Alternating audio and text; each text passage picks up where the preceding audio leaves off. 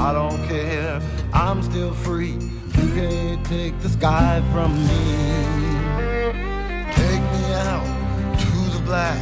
Tell them I ain't coming back. Burn the land and boil the sea. You can't take the sky from me.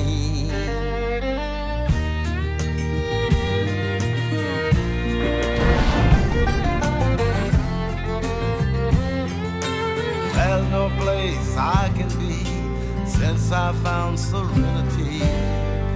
But you can't take the sky from me.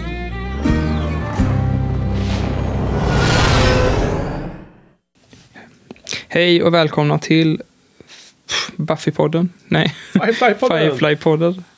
Eller Shiny-podden. Det passar ju rätt bra med Shiny-podden också. Idag ska vi prata om nionde avsnittet av Firefly som heter Ariel. Mm. Och eh, med mig Johan och med Henke. Ja, hallå allihopa. Hej hej. Och eh, jag, tänk, jag tänkte att vi kunde börja prata lite om då, hur avsnittet görs kanske. Okej. För eh, när man så här, kollar igenom vilka som gör det så står det att det är José Molina som är det är första gången han gör någonting med, med Joss överhuvudtaget tror jag. Jag har inte sett att han har gjort något med, på Angel eller Nej, något sånt heller. Men det är ett av två avsnitt i Firefly. Firefly. Mm. Och sen Allan Kröken eller sånt där. Kröken. Precis. Eh, Ja. ja, han har inte heller gjort, det här är det enda han gör med, eller? Men jag har också Jag skrivit tror, upp det är här. nog bara det enda som han gör i, med Joss, eller i alla fall i Firefly. Mm, Och, det stämmer. eh, men båda de två har gjort Dark Angel innan. Okej. Eh, så det känns som att eh, Allan Kröken följde med på Vad köpet. heter han? Kröker, eller vad tror du? Kroker? Kro- Kroker. Croker. Det är liksom som kröker om, om OE uttalas som uh, Kroker. Ja. Ja, men precis, jag menar efter det här så gör de ju... eh, Jag menar, José Molina skriver för Agent Carter, så det är åtminstone Marvel. Ja, ja, Och Alan Croker, eller vad han heter, han har, har ju skrivit för Battlestar Galactica, Roswell. han har inte regisserat då. Ja, alltså jag menar regisserat. Ja. sorry, det är re- regissören vi pratar om nu. Men sen då i, kommande så gör, regisserar han för Dollhouse, som är en Joss Whedon-serie. Mm. Som, kommer, Okej. som kommer efter. Och sen regisserar han för Chuck. Som är den här agentkomediserien där eh, han som spelar Jane är en av huvudrollerna. Den här serien Chuck. Just det. Jag har sett två, en eller två säsonger. Men den, den var väl sådär så att jag skippade den sen. Ja, eh, jag bara tänker nu, för att jag har ju faktiskt sett Chuck, men jag kommer inte ihåg riktigt. Men, Mm. ja, men Hon är intressant. blonda som var med sen i en säsong i, eller två i eh, Dexter. Var ju med i Chuck. Hon är Yvonne någonting. heter Hon är Aha. väldigt vacker men eh, också bra. Så jag tror hon gick vidare från Chuck. Det är intressant att se hur alla de här konstellationerna Ja. funkar. För, för det känns ju verkligen som att han, Allan Kröker, Croker, att han följde med med José Molina eftersom de verkar ha gjort saker ihop tills, innan Mm. och att han, att det är liksom, det egentligen, det känns lite weird att han kommer från ingenstans. Han har väl regisserat mycket, mycket, vad heter det? Sci-fi Ja, grejer. precis. Star, Sci-fi-grejer. Star Trek har han gjort också. Ja. Olika Star Trek-säsonger. Ja, ja, exakt. Ja. Men, alltså, Men- det är väl, givet att de, eh, i den här världen så är det mycket att man, eh, he- man refererar till varandra. Ja, Och man, man eh, rekommenderar och så. re rekommenderar menar jag. Ja. Mm, precis. Ja, men han, eh, José Molina i alla fall, eh, han står ju som writer på avsnittet, och, men när man läser ditt kompendie så, så ser man ju att det är mycket Joss och, eh, eh, vad heter hans kompis? Eh, oh, så helt still i. Tim Minear. Precis, att det är de, att de ligger bakom mycket också. Men tydligen så har eh, José Molina, det känns som att de kommer in så här och får pitcha massa idéer liksom. Mm. Att de får sin chans nu att bara pitcha in massa idéer. Och hela den här grejen med att eh, Jane ska förråda eh, Mal, eller hela gruppen egentligen. Det kom från José Molina. Eh, vilket man tror att det är, kanske ska vara Joss. Att han har liksom, när han, när han och Tim Minear skrev piloten, att de två eh, hade redan planerat det när de skrev piloten. Ja. Men tydligen så har det varit så här, varje writer som kommit in så har de så här diskuterat om vad, vad, hur, hur kan vi få in det här eh, som de pratar Ja. om, planterar i första avsnittet, hur kan vi få in Ja, det? det. Och eh, nu då så fick, lyckades José hitt- Mali- Molina men- pitcha in den. Ja, men det, Bästa det låter ju väldigt naturligt att de har den själva grundläggande konflikten har de klart för sig. Men sen gäller det att hitta ett, ett eh, avsnitt och ett manus där det funkar. Mm. Tematiskt och Mm. hi- historieberättandemässigt. Så, och det här passar ju väldigt väl in då. Mm. Och det var ju tydligen också mitt under när, när mm, jag vet, Josie regisserade något avsnitt av Angel. Så, så här, mellan tagningar som han pitchade in där. Och Mhm. Joss bara på volley, volley bara pitchade in massa andra idéer. Så, här, så att det, han verkar verkligen levt i, han, i den världen. Jag, kan miss, jag misstänker att han verkligen misskött sin, liksom, privat, sina privata relationer och bara Ja. levt i den som regissörs och Ja, writer-rollen. Och sen nu då, ganska nyligen nu när, när hans fru då, när de skilde sig och hon var hon skrev något argt eh, öppet brev att han hade varit mer gift med jobbet än med henne. eh, Var det väl mellan raderna liksom. Ja, han hade men det har han ju också erkänt lite själv. Att, prioriterat det för mycket. att sättet han jobbade på var väldigt bra för eh, tv-serierna, inte så bra för eh, ens eh, mage och eh, så här, eh, personliga hälsa. Privata Ja. sfär. Men Det är som en återkommande, var och varannan sån här eh, känd som gör något väldigt eh, speciellt och, och kanske speciellt i kreativa yrken får man ju Mm. den känslan av att det är det som är baksidan. Liksom. Mm. Att de antingen är de helt eh, sjuka i huvudet eh, privat eller så eller åtminstone att de har försakat liksom barn eller sin partner eller något annat viktigt liksom i livet. Ja, Som det, de kan ångra. ja, men det känns som att det är mång, många framstående som liksom är lite arbetsnarkomaner. Att det är, det, Ja. det är därför de har kommit upp sig så liksom, i den världen. Ja, det vet jag, jag på fikat för, här före poddningen, jag nämnde här att jag sett den där fina tacktalet av Julia Louis Dreyfus när hon Mm, tog emot, eh, vad var det, Mark Twain Prize Mm. från eh, tidigare i november i år. Eh, Elaine från Seinfeld. Elaine från Seinfeld då förstås. Eh, eller 2018 då, då. Jag tror det här, ja, nu då i vintras. Eh, hon, hon skämtar ju till och med på, om det faktum att man som jobbar i tv-svängen, att man inte kanske är världens bästa, eller världens mest närvarande mamma då. Så då, när hon skulle tacka sina två söner så, så sa hon bland annat att jag, jag har läst på Wikipedia att jag har tydligen två söner. Fast de, de låg väldigt, väldigt brett och tummen upp och sådär. Så de, de, de, det var säkert bara ett joke. Men det är liksom det här problemet jag tror alla de som jobbar i den, i den typen av värld där man blir så indragen i projekten. Att det, det blir en konsekvens någonstans. Ja, verkligen. Ja, och eh, någon som vi kanske inte pratat så himla mycket om, det är ju, eller lite kanske, i förra avsnittet, David Boyd. Att han har ju... Men vänta nu, vem är det? ja, exakt. Han har ju, han är ju sim, cinematographer, hur säger man det på svenska? Eh, foto, fotograf? Ja, Mm. mm.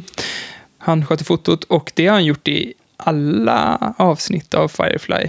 Och det här tror jag att är hans break egentligen, för att han jobbade med något som du gillar, det är ju Friday Night Lights heter det? Mm, Okej, Eh, kört hela den serien. suverän serie. Ja, Walking Dead Ja. han kört och sen även nu Agents of Shield har han fotat. Ja, ja. Så att han är ju, och han, och jag tycker det, det också märktes lite grann i det här avsnittet att det, det är mycket lens flares och sådär. Ja. Nu när de var på den här junkyarden och vä- väldigt mycket CGI såklart, men också väldigt eh, mycket lens flares och snyggt filmat och sådär. Vi har ju pratat om att han har bytt ut, eh, eller har vi gjort det? Jag tror vi gjorde det i alla fall, att han i, slängde sina kanske inte slängde, men gjorde sig av med de här dyra objektiven. Eller Nej, det har vi nog inte på nämnt så film. mycket. Kallas det objektiv på film? Eh, Ja, lenses liksom. Ja, Och eh, köpte gamla, billiga, dåliga som man kan Aha. få ut mycket lensflares med. okej. Mm. Så, ja men han, han sätter mycket, och, han, och var det förra avsnittet som han, det var hans idé hela det här med att eh, Olika i, färger. Ja, Med- i de olika tidslinjerna eller vad man ska säga. Tinta gult eller blått eller Ja. neutralt. Ja. Alltså jag tycker fotot är eh, nog... Jag gillar nog fotot och... Eh, därför att jag, det, det är något som jag väldigt sällan lägger märke till. Även när det gäller vanlig film. Men det är något som du fokuserar på eller?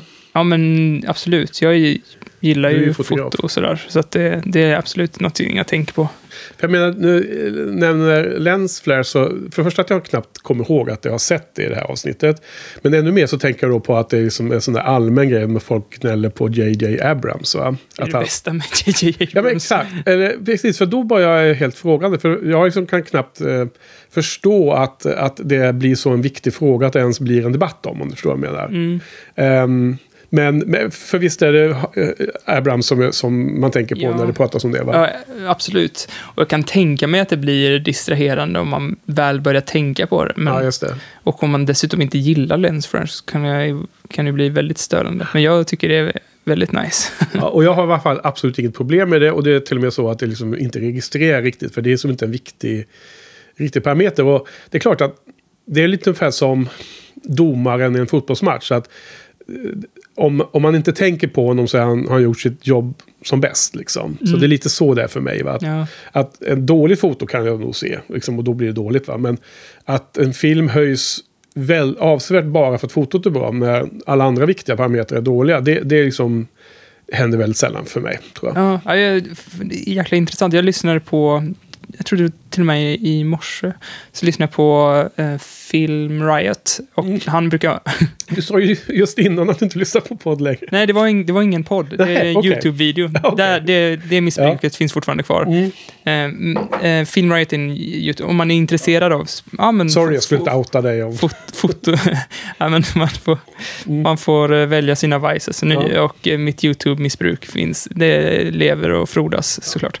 Men han pratar väldigt mycket om foto för att han, eh, han vill väl vara regissör. Hans, eh, hela hans grej med YouTube-kanalen är att han ska gå från DIY till att bli Hollywood-regissör. Han har inte lyckats än. Han, jag har kollat på honom i många år nu. Men, eh, Då har han talang då?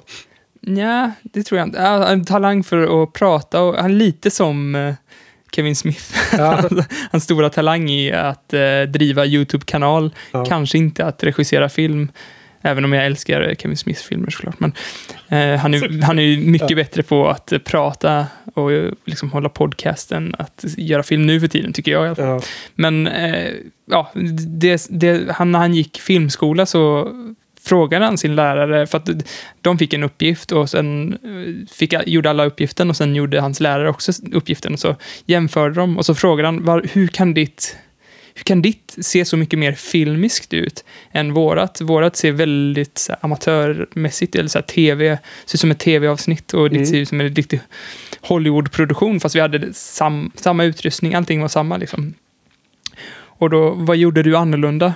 Och då svarade läraren, allt gjorde jag annorlunda. Så liksom allt spelar roll. Musik Allt, spelar roll, kostym spelar roll, hur Ja, folk står spelar roll, hur, folk, hur man eh, regisserar sina skådespelare spelar roll. Ja. Liksom, nej, allt det här måste liksom kom, komma ihop i harmoni och är det någonting som inte funkar så kommer det märkas, sticka ut liksom. Så Ja. att det är mycket som ska på plats för att det ska Mm. kännas, och, det, och bara en sån sak gör att man får mycket mer respekt för speciellt Firefly, för det, det känns ju som ganska stor Hollywood-produktion och man märker ju ibland att det är ganska eh, låg budget och att man fått improvisera och speciellt om man läser ditt häfte har man ju sett och läst också att det är mycket improvisation så här. Man har fått, man har fått eh, tänka om sig i stunden för att man inte haft de optimala locations eller sådär. Så att, eh, Jag är lite imponerad av att du har läst så mycket i de här eh, Firefly Companion-böckerna.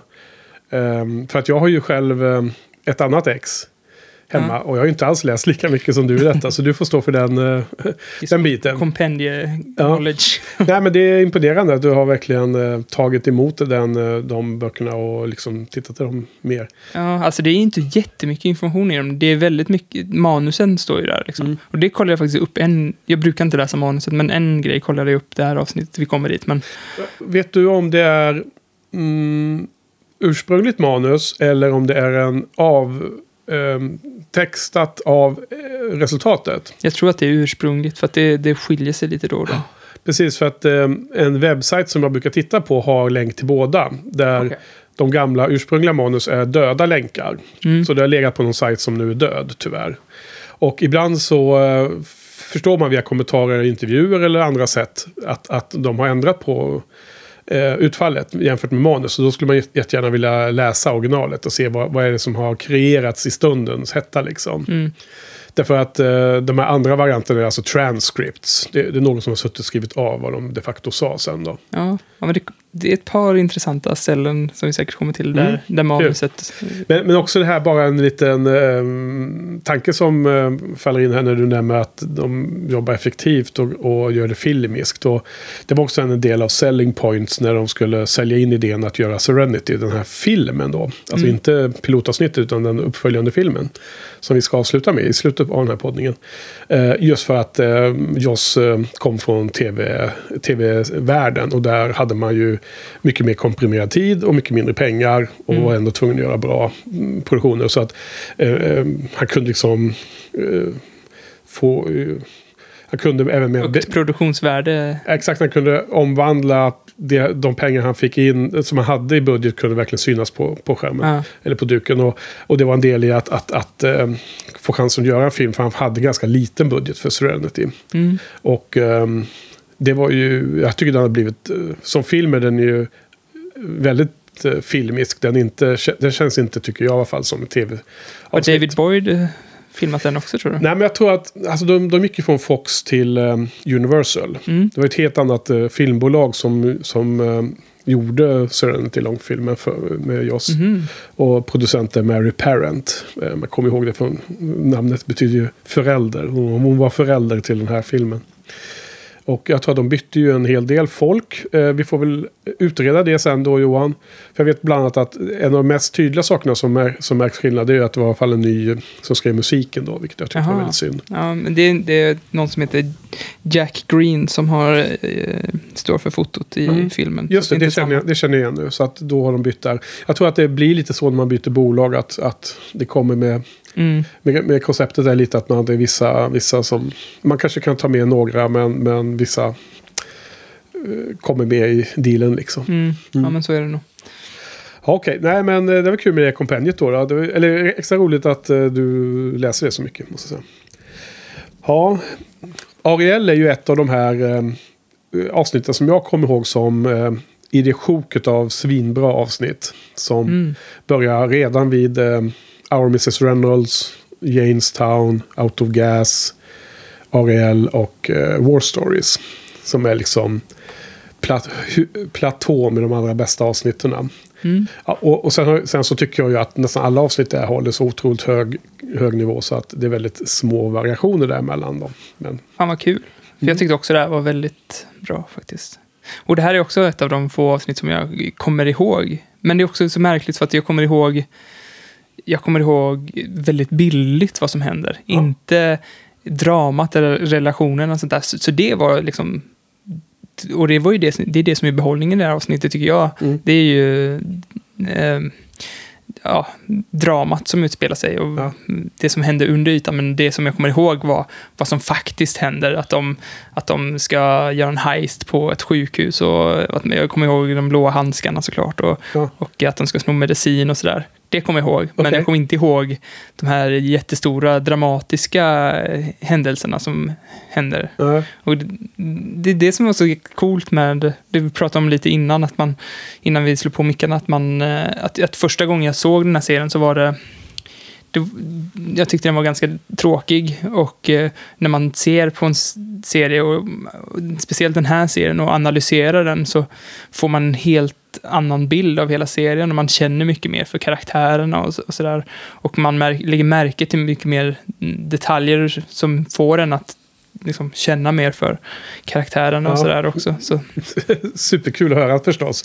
Det blir lite roligare att podda då om man också känner engagemang för ja, karaktärer. för vi- du, du- hade ju någon tanke om att det är inte m- lika liksom, tematiska mm, frågor att diskutera kring i Firefly som i Buffy. Men eh, å andra sidan så får man ju, eh, i alla fall jag som inte haft lika stark relation till Firefly, eh, får mycket mer uppskattning kring avsnitten genom att man grottar ner sig i ja, vad som faktiskt händer. Liksom. Och varje, varje kommentar som vi pratat om tidigare kan ha flera betydelser. Och så- just det. Alltså jag, jag tror att I och med att det finns 140, vad är det, 144 avsnitt i Buffy och så finns det då 14 avsnitt i Firefly. Mm. Så det, alltså, det, det, är, mycket möjligt att det kanske är ungefär samma, eh, samma andel av serierna innehåller intressanta eh, sym, sy, symboliska eller, eller moraliska dilemman. Men eftersom den är tio gånger så många avsnitt så finns det många, många fler som, man, som poppar upp i huvudet när man tänker på serien i helhet. Alltså det, på 14 avsnitt så du har dina mellanavsnitt där du bygger vidare mot någonting som får ett crescendo senare. Och, och det är liksom, du kan inte ha 14 toppar liksom, i rad. Det går Nej. liksom inte. Nej. Och tar man bara... Du kan nästan nog välja 14 avsnitt vilka som i Buffy. Bara helt random, 14 avsnitt i rad och försöka jämföra dem mot Firefly. Och då Ja. tror jag de inte kommer stå sig speciellt väl liksom, i en konkurrens. Men hela serien Buffy är ju såklart, har ju, har ju väldigt många avsnitt som är otroligt bra liksom, av de 144. Ja. Så det, är- det, den, det är nog mer det, det dilemmat egentligen. Tror Mm. jag. Om man nu försöker fundera vidare lite på den, den kommentaren som, jag, som vi var inne på i någon tidigare poddning. ja, men också att, att all den här metainformationen som finns eh, kring Firefly gör ju... Du menar runt fans och sånt där? Eller? Nej, men typ, typ att man vet att det har funnits en tanke kring att eh, Inara ska ha en Ja, ja. plotline kring det här och sen så ser man att, ja men här ser man att de liksom puff, att de, de lägger små krokar för att Ja, kunna... Små frön. Ja, små frön för att liksom spinna vidare på det här Ja. senare. Men det kommer aldrig. Men har man vetskapen om att det har funnits en tanke kring det här så lyfter det eh, serien eh, och mystiken kring serien också väldigt mycket. Och man kan spåna på så här, vad, är, vad, är, vad har de haft för tanke här. Liksom. Ja. Men, men det här med att... ehm, tror du att... ehm, du nämnde att, att du ehm, uppskattar karaktärerna och relationerna och sånt kanske mer nu. Har det mest att göra med att vi, du analyserar avsnitten på grund av podden och att vi pratar om det så här djupt ingående i en timme per avsnitt? mm. Eller har det att göra med eh, att man ser om serien då? För det kan jag tro, tänka är en faktor att göra att man gillar serien mer. Ja, alltså jag tror, inte, jag tror att de har med varandra att göra lite grann. För, Ja. att man, eh, för nu ser jag ju avsnitten flera gånger inför poddningen. Ja, Och varje gång man ser den så upptäcker man ju små, små saker som man missar. Ja. Eller jag gör i alla fall. Jag, absolut. Jag brukar säga att fjärde eller femte gången är det som bäst. ja, När man ser dem. ja, men man missar små, små liksom, kommentarer och, och varje, varje, varje dialog som är skriven har jättemycket betydelse. Och det, Ja. så här, första gången man ser det så är det, ja, har man bara fullt upp att liksom hänga med i hand, den, de liksom stora grova penseldragen. Och sen Mm. an, andra gången man ser det så kan man liksom lägga märke till de här små kommentarerna och liksom, vad betyder det för deras relation att han sa så här nu Mm. och sådär. Så att eh, det ger jättemycket att se avsnittet en andra gång och också även att prata om det. Det har ju nästan 99% av gångerna lyft avsnitten att bara sitta och prata om avsnittet. Bra sagt. Jag tyckte det lät bra även vid första lyssningen Johan. Kanske det låter ännu bättre sen när vi lyssnar om på det här. Nej, jag tror det var bra sagt. Nej, men du, du, du säger precis så som jag själv tror att det är runt en sån här serie. Och jag menar, det här med att du nämner nu att den här, det här fröet i pilotavsnittet när Mal och Jane pratar om vad, vad händer när Mal, när, vad, vad kommer hända när Jane får erbjudande om ännu mer pengar Ja. med anledning av att eh, för, sälja ut eh, River och Simon. Att, att de såg ett sånt frö och att de sen liksom väntar på rätt läge i framtiden då i något avsnitt. Och sen hittar rätt tillfälle där man ska få betalning för det fröet. Så sen när de ska Mm. få en payoff. Eh, Det, det tycker inte jag är liksom ett dåligt sätt. Eh, Jag menar liksom att, att de inte har tänkt ut exakt hur den payoffen skulle bli när de gör pilotavsnittet. Det är liksom inte en, det är inte en dålig sak av dem. Utan det är bara att de, de vet att det, en, det ska användas någon gång i framtiden. Det gäller bara att Nej. hitta rätt liksom. Nej, men det känns ju som att det är så eh, de stora mästarna, så gör de ju i, i Breaking Bad också. Jag tror att det är svinbra att göra på det viset. Att liksom bara plantera en idé och sen låta den liksom ligga och gro i bakhuvudet hos writers och sen bara när rätt tillfälle kommer bara låta den, Ja. det fröet blomma ut. Jag Ja, tror att det är, det är så man ska göra. Det, jo, det, det är väl kanske det. Och, och jag håller med. Jag, jag tycker att, och i det här fallet så, så tycker jag att det är 100% självklart att det känns som ett gediget förarbete. De har liksom egentligen etablerat den här konflikten i, i karaktären Jane. Mm. Och i och med att det finns i karaktären från hela från första början och ända fram i mål. Så det gäller bara att hitta rätt tillfälle för att Janes karaktärsdrag ska blomma ut i det här, i det här förräderiet. Där han försöker sälja ut eh, Simon och River.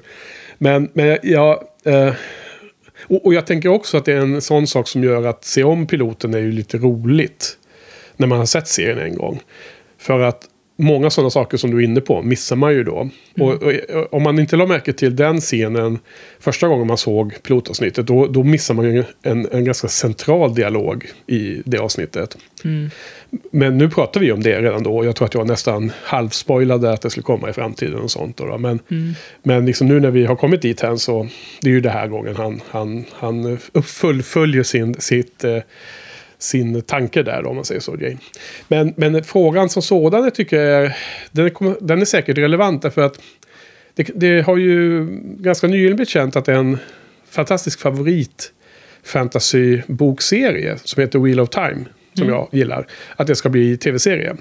Och det finns ju en utpekad showrunner som jag har glömt vad han heter. Men han, jag, jag har börjat följa honom på Twitter och han skickar uppdateringar då och då när de adderar folk, eh, writers och andra då till sitt, sitt team. Då, då. Mm. Och eh, om det är Sony som ska göra den här tv-serien. Om det är Amazon eller något så här. Om de gör något samarbete där. hur det var. Ja, jag har ingen koll alls faktiskt. Och där, den författaren är ju känd för att eh, så sådana här frön hela tiden. Och sen väva ihop eh, de här storiesarna på lång och kort sikt. Mm. Och det finns jättemycket fans som är av olika, står i två olika läger. Det ena tycker att det är jätteviktigt att eh, veta eller få veta att författaren hade tänkt ut varenda liten händelsetråd. Även de som han sådde de fröna i första, första boken av. Det blev ju 14 böcker till, slut. Mm. Medan andra tycker att nej, det är helt okej att han så bara frön och sen låter han skörda dem lite då och då sen. För att liksom det passar sen då. Lite så som, som vi nu tror. Som vi pratar om att de gjorde här. Och de kanske gör Breaking Bad och så vidare. Och att det, i den fanskaran så fanns det liksom den, två, två motparter. Som tyckte att det ena var bättre eller det andra var bättre. Och jag, jag är ganska kluven däremellan. Jag, för jag, sån, jag, jag tycker i alla fall inte att det är ett fusk att så ett frö och sen se vad det leder till. Liksom hur, hur storyn utvecklas och hur, hur det fröet sen kan få betydelse. Eh, Men däremot så är det klart att jag kan tycka att om man såg ett frö, att huvudpersonen har en viss personlighetsdrag eller en viss läggning. Mm. Och om man såg ett frö av det i början av en story, då är det klart att man vill att det ska fullföljas på ett konsistent sätt. Man vill inte att det bara ska bli en random grej som händer med huvudpersonen i slutet och sen peka på något frö som är helt random i första boken. Så vill man inte. Ja, De, man vill inte att de ska fuska ihop, knyta ihop säcken på, med fusk. Nej. Men, man, men man, jag, jag kräver inte heller att allt som skrivs i första tre böckerna måste liksom ha en uttänkt story som ska... Nej. Att de pratar ju lite om det här i Write-Up också med Mhm. i David Chen och eh, vad heter han i Spill.com? Ja, han, Tobolowsky, nej. vad sa du? Nej, det är inte han Steven Tobolowsky. Nej. Eh, ah, skitsamma.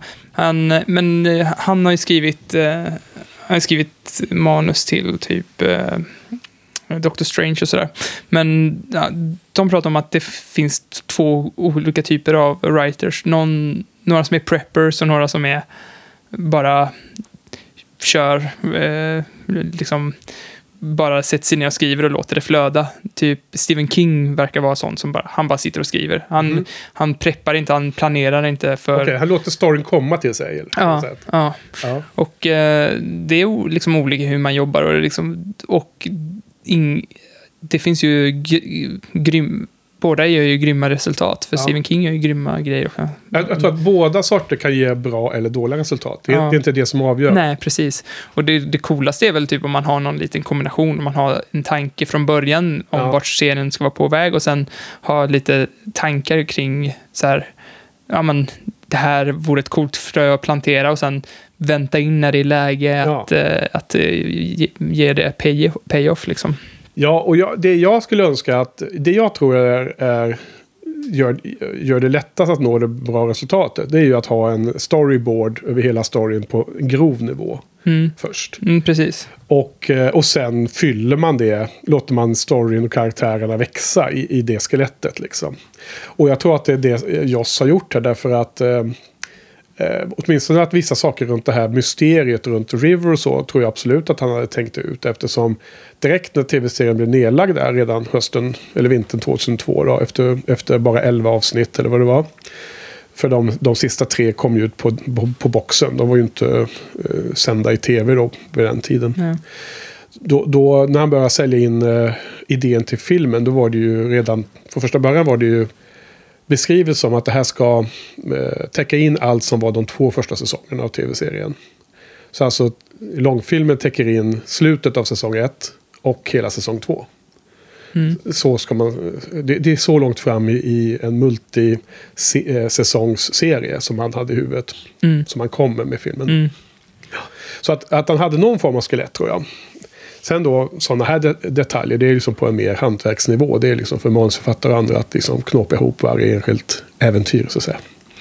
Ja, och, då har, och så har han ju olika writers som kommer och bara pepprar in idéer och sen så är det ändå han och Tim Minear som sitter och liksom styr, Ja. styr vilka idéer, filtrerar de här idéerna och så, så ja, Det är jäkligt intressant att liksom se hur olika människor jobbar. Mm. För det här avsnittet är ju också det påminner lite om så som Dan Harmon ha- har, jobbar också, att han Mhm. har eh, temat, teman på varje avsnitt. Det här är ju heist-avsnittet lite grann. Vad lustigt, för jag tänkte just komma till det. Ja. Att, du, att du kom in på det. o, o, osynkat så, oplanerat.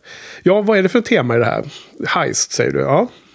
Ja, men det, det är väl stilen som det Mm. den är. Och Dan Harmon har ju, så som han jobbar, är ju att han har en writers room där också folk bara pepprar idéer. Det är inte så olika writers som kommer in till ol- olika avsnitt, utan han har ett sånt writers room Mm. där de bara pepprar idéer till honom. ja. Men eh, Så det, kom- eh, för de som inte kommer ihåg vem Dan Harmon är, så är det tv-serien Community bland annat. exakt, exakt. Men, men vad skulle du säga att det är eh, mer drama eller mer humor i det här avsnittet? Eh, det är väl den här perfekta kombinationen som Joss är så himla bra på. Mm. Absolut, de har väl egentligen alltid en kombination av det här i Firefly. Mm. Det är svårt att hitta något avsnitt som har ingen humor i. Men, men jag tycker att det är, av alla de avsnitt jag kan tänka i huvudet så är det nog ett av de avsnitt som har minst fokus på humorn, skulle jag Mm. säga. Jag tycker att det här är ett... eh, I mitt huvud så är det nästan liksom längst ut åt dramahållet om man säger alla avsnitt. Eh, om, man, om man har en två, eller endimensionell skala från Mm. drama till humor. Eh, Det, det är den bilden jag har. Det här kalla blåa hemska ljuset på, på sjukhus. I de här eh, sjukhusgångarna som de springer och jagas i. Det är Ja. liksom det är sinnebilden av Ariel i mitt huvud. Men jag får också, jag får också så här, när jag tänker tillbaka till avsnittet, får jag ändå så här en liksom glad känsla. För jag tänker på Out of Gas så känns det lite så här hopplöst, även om det var otroligt mycket humor i det, så känns Mm. det som så här, den känns hopplös på något sätt, att liksom, hela situationen. Men här, både att det är liksom heist, man tänker lite på, där pratar de om MF Kindig också, att det är lite så här eh, eh, Ant-Man-feeling på det. Att, att det är som en rolig heist-film lite Mm. grann. Och eh, man, det är någon slags bra momentum i det och, och sådär. Att det, det är mycket fart och sådär. Och även om det är, det är, det är otroligt mycket dra, dramatiskt som händer också i Ja, avsnittet. ja alltså. ehm, jag tror nog att jag ehm, färgas väldigt mycket av ehm, eh, de... eh, den känslomässiga impact som jag som åskådare får av de här brutna förtroendena inom gruppen om man säger så. Ja. Så att för mig blir det liksom en, eh, lägger en väldigt så här kylig blå, blått skimmer över hela avsnittet. Mm. Um, jämför jag med Ant-Man som filmen då, exempel, den är mycket mer lättsam och glad i mitt huvud än vad Ariel är som tv-serieavsnitt. Men, men det är... Det Ja, det, jag håller he- helt med, men det kan ju också vara att man så här, att jag påminns lite om, om för, för he, det finns ju en scen i Ant-Man där man så här, den klassiska heist-scenen där man berättar planen och Mm. Samtidigt som den utspelar sig. Liksom. Ja. Och eh, den gör, gör klockrent i, i Ant-Man. Här görs den mm, också väldigt bra, men Ja, just det. Här, men visst är det, för det första visst är det en himla härlig klassisk typ av scen som man älskar. Ja, och den finns ju också, och jag tänkte, jag tänkte eh, jag läste i kompendiet att Joss ville att Simon skulle bli lite coolare. Ja. Och jag kände verkligen att så här, ja, äntligen så tycker man lite om Simon för att han, han blev eh, lite sickan. Ja. Vi behöver en eh, tandtråd. Vi får så här, Ja. ber, berätta vad vi behövde för någonting för att utföra den här heisten. Ja, just det. Och sen, och sen att han får vara badass-läkare också i en scen då. Ja, att han Eh, också hade... då han har räddat den här eh, post-op-killen som låg på uppvaket där. Exakt, att han hade en liksom, personlighet, att han hade, han hade en drivkraft inom sig också. För förut har han bara varit den här som liksom, ska ta hand om sin syster. Men Ja. här får man se att han är en egen person som har Ja. liksom, en egen backstory och har haft ett eget liv och liksom, har en egen så här, code of con- conduct, eller vad det heter. Ja. Man, man, man har en egen så här... Han växer där mycket och det är kanske också därför lite som jag låter mig påverkas att avsnittet gör mig ganska eh, dyster nästan. Och det är liksom också för det här hemska som upptäcks liksom. Eh, som han upptäcker vad som har hänt med River. Eh, de har skurit i hjärnan på henne flera gånger om. Mm. Liksom, vilket känns så otroligt eh, hemskt på något sätt. Alltså, fine, det är bara en tv-serie. Men liksom, när man väl blir indragen och börjar bry sig om karaktärerna så är det ju liksom en otroligt hemsk... Bara idén att man har ett briljant uh, ungt barn som är, har hela framtiden framför sig och sen så de på skär in i hjärnan. eh, Ungefär på samma nivå som att göra lobotomi, det vill säga helt döda personligheten. Bara ta bort själen liksom. Och du vet, man tänker, eh, har du sett den här Gökboet till exempel? Mm. Mm. Jack Nicholson. Ja, den är ju hemsk. Ja, men det, det är liksom det är hela den bakgrunden som gör att eh, här nämns det bara med, med, med Simons ord och hur han reagerar när han studerar liksom den här scannen då. Men på något sätt så, eh, så avslutas det med den här otroligt eh, eh, eh, kalla scenerna som är eh, så hemska på något sätt med de här två männen då som har ihjäl folk med någon slags eh, ljudvapen ju. Ja, Som är, som är odefinierat. Och också en sån här McGuffin-grej, liksom, som, eller om, om det nu kan kallas för det i det här fallet, oklart. Men att, att de påverkas inte av det, men alla andra dör. Ja. Det beskrivs aldrig riktigt hur den här fungerar, utan det är bara Nej, en sån här sci- sci-fi-grej. Det ser ut som lite Men in Alltså, det, man tänker på Men in Black. Ja, de har ju de här kostymerna på sig och, kommer, och med den här staven som Ja. de har.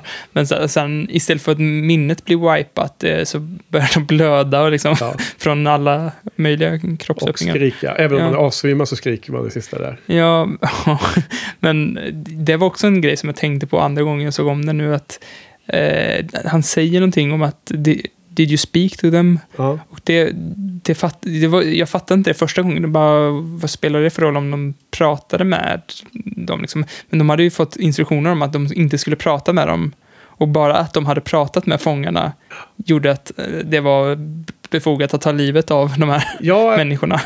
för, för jag antar att du, eller hur tolkar du det? Jag menar, eh, visst är det så att det, det de här uh, Hands of Blue-snubbarna menar det är ju att fångarna kan ha berättat några statshemligheter som de här poliserna inte skulle få Ja, veta. och att de, de sket i liksom eh, vad som hade sagts. De hade bara bry, brutit mot deras order. Ja. Och eh, det, liksom, det spelar ingen roll om de hade, eh, hade avslöjat några hemligheter och sånt där. Hade de brutit mot order så är det bara det är Mm. lättare att bara ta, ta död på dem än Ja. att hålla på och försöka ta reda på om de hade Just avslöjat någonting där. Jo, nej, men, eh, absolut. Att, att ha brutit orden är då också en, en av grundanledningarna till att de blir bestraffade. Men jag tror att, jag har alltid tänkt att det mest beror på att, att, att de, ska, de ska containa det här problemet. Att, att River har Ja. kommit ut i allmänheten. Ja, men de har inte tid att liksom ta reda på om Nej. de faktiskt är avslöjade. Det är bara mer, mer tidseffektivt att bara ta livet av dem, så har de det problemet ur världen. Alltså, de, de skiter i... Ja, sen, sen senare i filmen så fördjupas ju den där problematiken. Men då ska vi inte, då ska vi inte spoila något nu. Då får vi av, komma, komma till det senare. Men de här två... Castingen här är ju så jäkla bra. Ja, Eh, för de här två är ju helt eh, vidriga. De. Ja. Och de säger typ ingenting. De bara stå, de har så här, i, i vidriga blickar. Ja. Speciellt den, den, han som håller i staven, han ser riktigt vidrig ut. Han är också en sån här hattrick-människa. Får, Han har varit eh, med i både- Buffy och... Både Buffy och, och eh, Angel. Och där, han är med i ett jättebra avsnitt av Buffy, där, där hon spelar, eh, vad heter det? Who Are You heter den va? Där hon, eh, eh, När hon och... eh, Faith, Faith byter kropp. kropp. ja. Ja. Där Sarah Michelle Gellar är helt jävla lysande. Ja. Men Vilken spelar han där? Kommer du där spelar han en Watcher. Och Okej. han spelar samma Watcher i Angel sen, läste jag. Okej. Och eh, jag tycker det hade varit jäkla coolt om, det har jag pratat om förut, om, om det var samma organisation. Liksom. Mm. Att det är Watchers, att det är samma person, att de är så här helt tids, tidlösa. Och Ja. att, de är, att det, allting utspelar sig i samma värld. Och det är synd att de har de här jäkla fula handskarna som man bara plockas där- rakt ur. ja, det är low, low eh, production Ja, för quality. jag tänkte om de hade haft sådana här riktigt liksom, dyra skinnhandskar som är- var blåa med någon så här, snygg prägling. Jag tänkte på eh, eh, vad heter, eh, Full Metal Alchemist, där har de i och för sig vita handskar, men de har så här, en, eh, det här alkemistmärket på handsken. Att de hade någon sån här urmärke på de här, så att man kan sprida lite Ja. mystik där. Men liksom. hade du, hade du tyckt att eh, de här eh, snubbarna från Blue Sun och de, deras eh, wet, Wetworks-snubbar, deras assassins, att det skulle vara Watchers, hade, hade det funkat verkligen? Hade du gillat det? Ja, eh, mm, de hade liksom haft någon bra backstory. Så, Ja. Alltså det, hade varit roligt ifall de hade haft någon eh, Ja. bra Det blir backstory lite liten brygga över till Att, att, liksom, att de hade blivit corrupted eller något sånt där. Eller någonting gjorde att det, liksom, det började Ja, i Buffy att- liksom att de- skena iväg på något Precis, sätt. att de... Ja, precis. I framtiden så Slayers är utdöda, men eh, Watchers har blivit korrupta och hamnat i... Det här var det som blev kvar av dem. Liksom. Ja, ja, men precis. Att någonting gick fel. Liksom. Ja, ja. Någonting har gått fel och det är liksom Ja, du får- Reavers och... Skicka ett eh, tweet till Joss med det. ja, Ja, Ja. Han, han, han, han vet. Han har Han koll vet, på oss. han vet det. är bara att ringa. ja okej. Nej, alltså...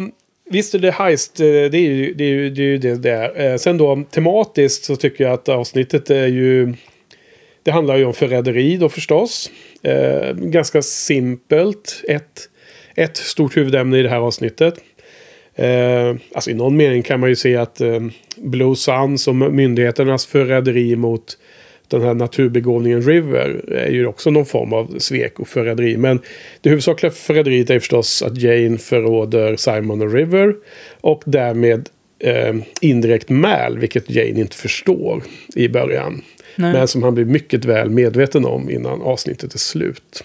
Så det är det tematiken som jag då tycker också är en så himla ty tydlig... Alltså det, det är så otroligt bra det här avsnittet att de, de fångar ju essensen av både Mal och Jane i ett och samma avsnitt. Mm. Och det är nästan ännu mer ljuvligt att inte Tim Magnier och Joss Whedon har tänkt ut exakt att det var så här det skulle sluta det de sådde ett frö om i, i pilotavsnittet. Nej. Utan det bygger bara på att de är bara eh, trogna de här två karaktärernas personligheter. Mm. Och då får man den här konflikten. Och, och, och det här, eh, det här eh, avsnittets sista minuter är ju, tror jag, det bästa i hela serien faktiskt. Ja, jag skrev det till dig också, att det, det här är den bästa scenen i serien hittills. För det, det är glasklart. Jag läste i kompendiet också alltså, att de hade en intervju med eh, ehm, han som spelar Jane. Och eh, de frågade honom, eh, Adam Baldwin. precis, Adam Baldwin, fråga så här, vad tycker du om det här sveket mot Mal eh, i slutet av det här avsnittet? Och han, eh, och han har ju sin egna tolkning, Adam Baldwin, Ja. och han sa det, här, det var inget svek. Det var ju, han försökte liksom bli av med de här som förpestade, de här Mm. två som förpestade crewn. Liksom. Ja. Här, och vad gjorde det dirty deed, liksom. Ja, Och, eh, jag har också hört den, eh, den, det här trivian. Ja. Vilket är jätteintressant. Ja, och det, det kanske inte är liksom... Det, det, är ju, det är ju bara en, hans tolkning och det är så han liksom, liksom spelat scenen och sådär.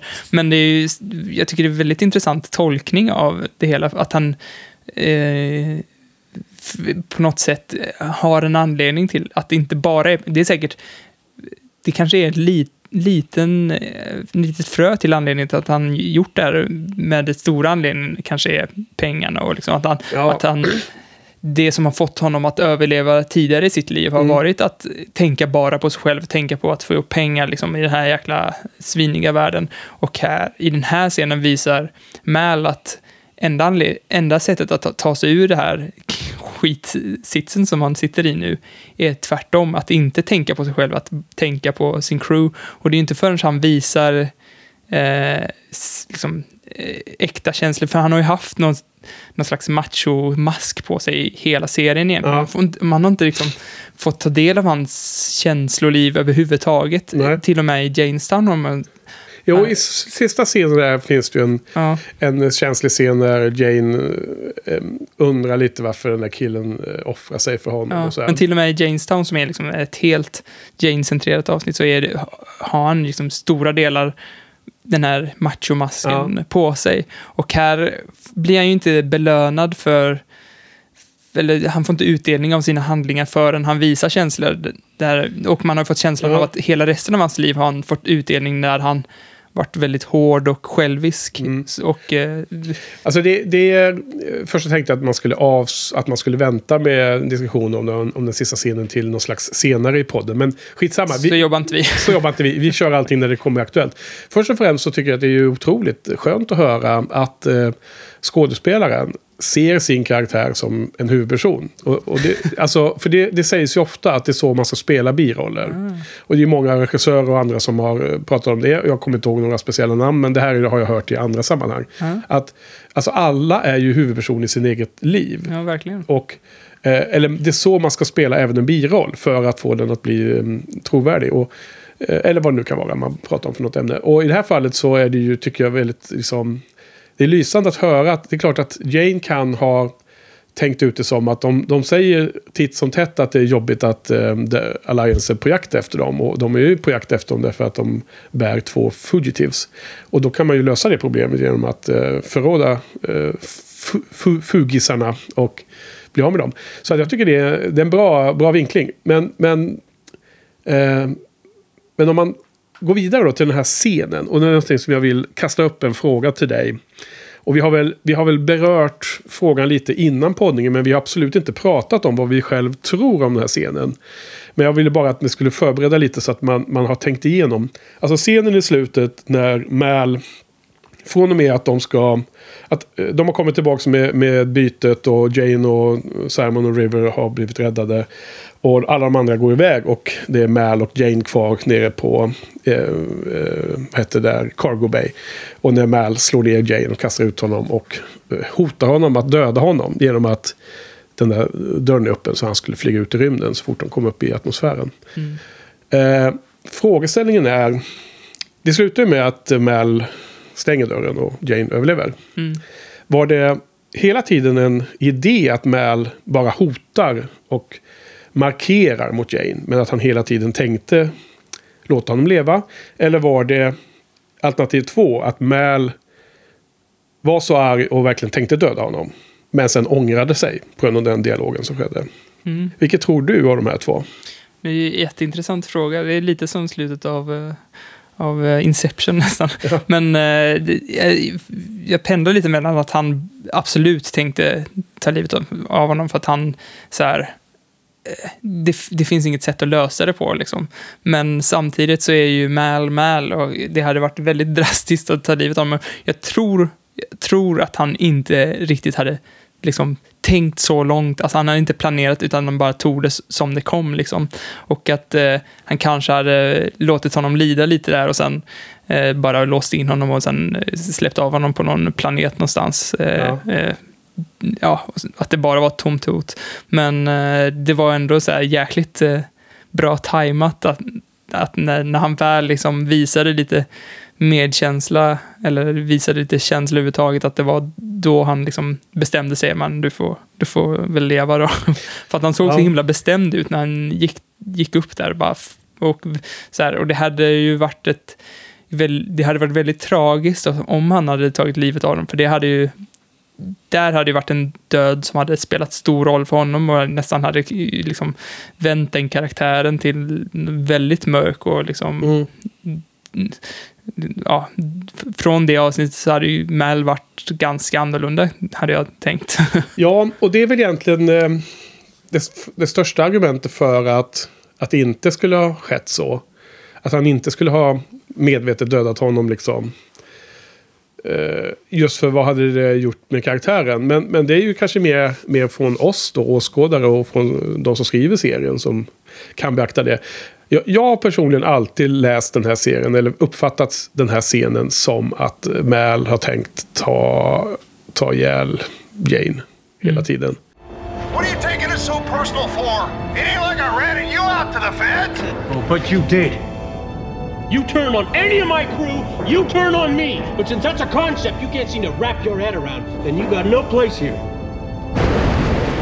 You did it to me, Jane. And that's a fact. Jag tror att det är det här fallet när han har backat liksom. Mm. Tillräckligt många gånger. Och han har ju stått upp mot Jane må många andra gånger och, och liksom sjösatt iväg honom från middagsbordet och annat och liksom visat att han är alfahannen. De har ju ibland haft lite sådana eh, brösta upp sig mot varandra. Men han har, han har backat vissa andra gånger. Till exempel i pilotavsnittet när han då förstår att det måste vara Jane som har släppt loss polisen. Som gjorde att det blev en extra problematik i slutet. Men då har han liksom backat och tagit den diskussionen och sa- sagt att fine, nu får jag... Nu får han liksom gå. Det får vara okej den här gången. Och jag tror att han har hela tiden sett Jane som en en person han måste hålla under uppsikt. Eh, och så vidare. Och liksom vara lite vaksam mot. Nu tror jag att han har backat slut. Nu har han kommit mot väggen. Nu backar han inte längre. Liksom att ta Janes skit. Så jag tror att han, han har blivit så förbannad. Exakt som han säger i dialogen. Den här dialogen är ju briljant här i slutet. Den är så jäkla bra. Det blir alltid rysningar när jag ser den här scenen. Eh, och då, då, då tror jag att han mer hamnar i eh, krigsmod. Liksom, så som det var i, i The Battle of Serenity eller något sånt där. Liksom. Och där tror jag inte man la fingrarna emellan när det var folk som förrådde sitt, sitt närmaste team. Liksom. Nej. Så att jag har alltid sett det som att den, den kommentaren när, när Jane helt plötsligt säger att, att han inte ska berätta för de andra. What are you gonna tell the others? About what? About why I'm dead? I hadn't thought about it. Make something up. Don't tell them what I did. Jag tror att, det, jag tror att den, den känsligheten i den kommentaren och den, eh, det, det budskap som han säger till Mal där. Att, att liksom han ändå bryr sig om det här närmaste teamet. Det är det som får Mal att komma ut ur vreden som är liksom likvärdig med på the battlefield. Liksom. Ja. Och det visar ju också både oss som tittare och Mal att så här, det finns hopp om hans själ. Det, han är inte en helt förlorad själ, utan det finns någonting djupt där inne som Ja, och jag- kan räddas. Liksom. Ja, och jag har alltid tänkt att den, i den scenen så är karaktären Mal, han tänker inte på konsekvensen. Men jag tror att manus eh, showrunner måste tänka på den konsekvensen. För jag håller helt med om att hade, hade han tagit död på en i sitt egen crew på det sättet, då hade det varit en väldigt konstig serie därefter. Ja. Väldigt svårt att förhålla sig till den huvud, huvudpersonen. Ja. Men, men det finns ju scener senare i avsnittet, och framförallt i filmen, där mörka Mal kommer fram igen. Ju. Så att vi har ju anledning att återkomma till det här. För att det är ju det är därför det är lite mer intressant än vissa sådana här tv-serier där allting är svart och vitt mycket mer. Därför att det är liksom trots allt Ja, man är lite osäker på vad fasen, hur pass, hur pass mörk kan, kan man gå utan att bli på andra sidan liksom. Turn to the dark side. Ja, men det finns ju den här scenen där det kommer ett jäkla hangarfartyg eller vad det är, som liksom dockar mot honom och ska erbjuda honom i out of gas där. Och ska erbjuda Ja. honom och han säger, Ja, det är SS Walden ja, SS Wallen, ja. spelet. kommer och dockar. Och sen säger han, du, du skulle gjort samma sak. Och han säger, Mm. du, ja, du ser ju att jag, du kan ju se att jag inte gör samma sak. Ja. Och den scenen talar väl mot att han skulle faktiskt gå hela vägen där och Jo, kanske det- ja, bara låta, med låta honom liksom lida lite, liksom ha lite syrebrist, Ja. sugas en bit upp och sen förlora lite lemmar kanske. Men sen att han bara liksom låser in honom och dumpar in, vid närmst, närmsta planet. Och, Nej, men jag håller med om att en, en sansad och en, eh, rationell och genomtänkt tänkt aktion hade varit bara att lämna honom på näs, nästa möjliga av, av, avstigningsplats. Liksom. Ja, men jag, det känns ju som att Mal i trängda situationer blir väldigt rationell. Att han, han, han liksom stänger av känslorna ganska mycket och bara...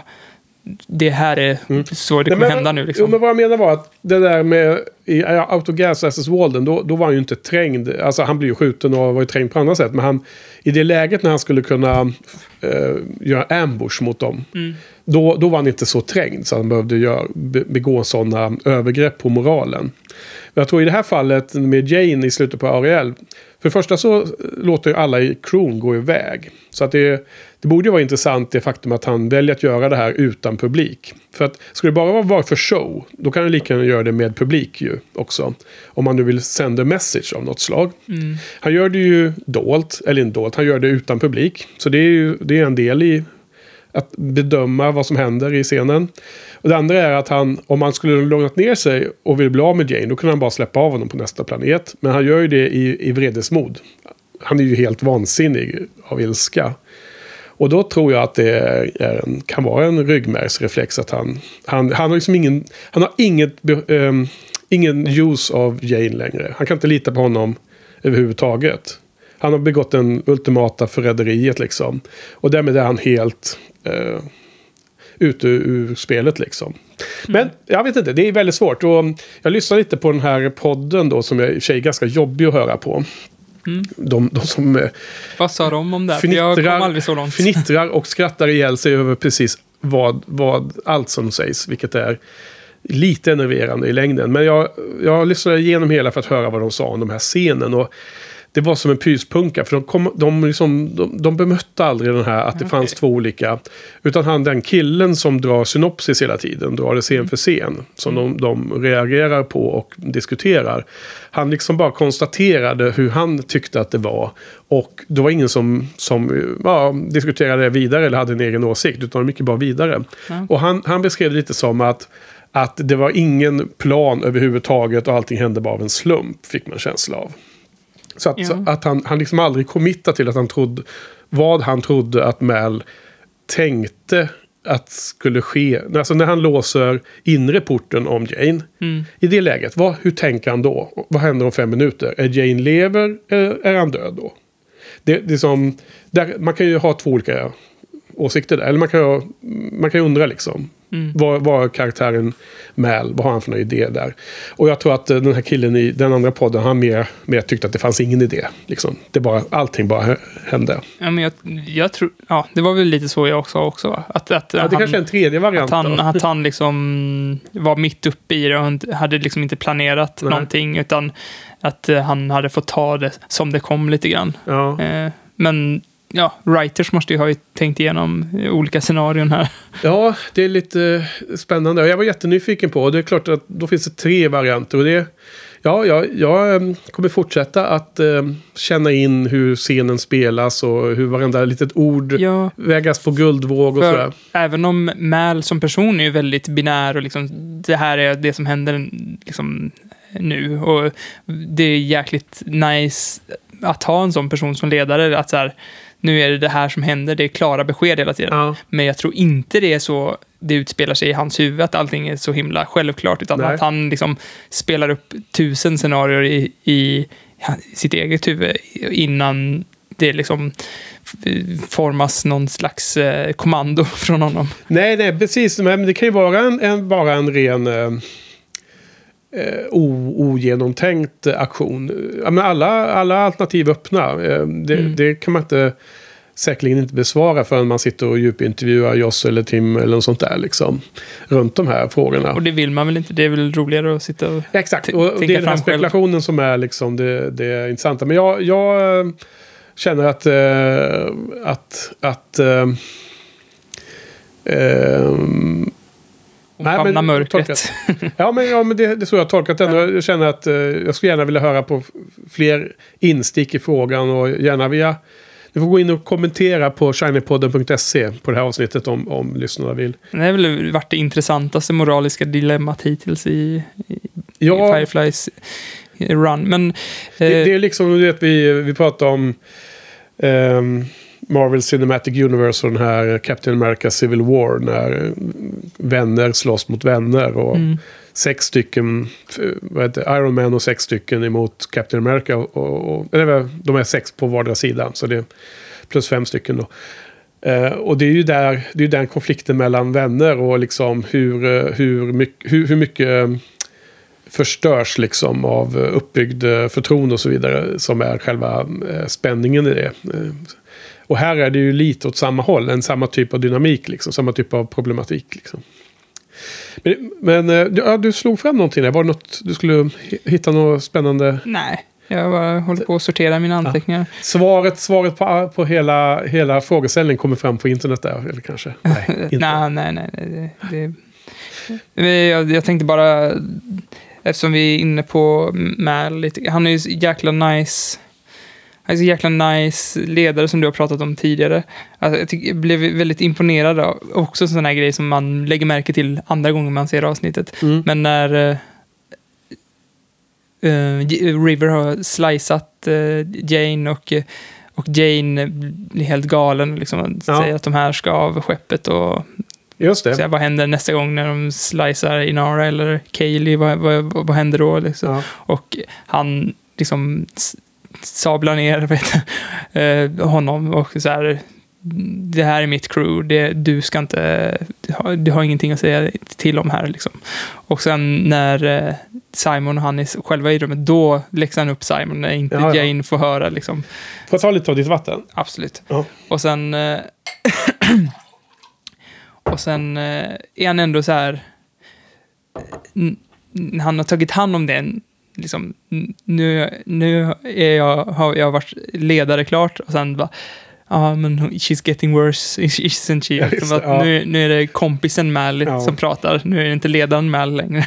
Jo, han det- har alla de här sidorna Ja. inom sig, liksom, men att han liksom skiljer på dem på något sätt. Han har liksom en magkänsla för vad som är rätt i varje sånt läge också. Det, men det, det är en fantastisk eh, ledar, alltså karaktärsstudie av en ledarfigur. Ja, men verkligen. Man, man köper ju 100% att han, att han fick folk efter sig i kriget och sånt där liksom. Att folk följde honom. Mm. Ehm, vi måste också, innan vi helt eh, kommer in på andra frågor, så måste vi också komma ihåg sen att prata om den andra frågeställningen som berör det här med Jane och sista scenen.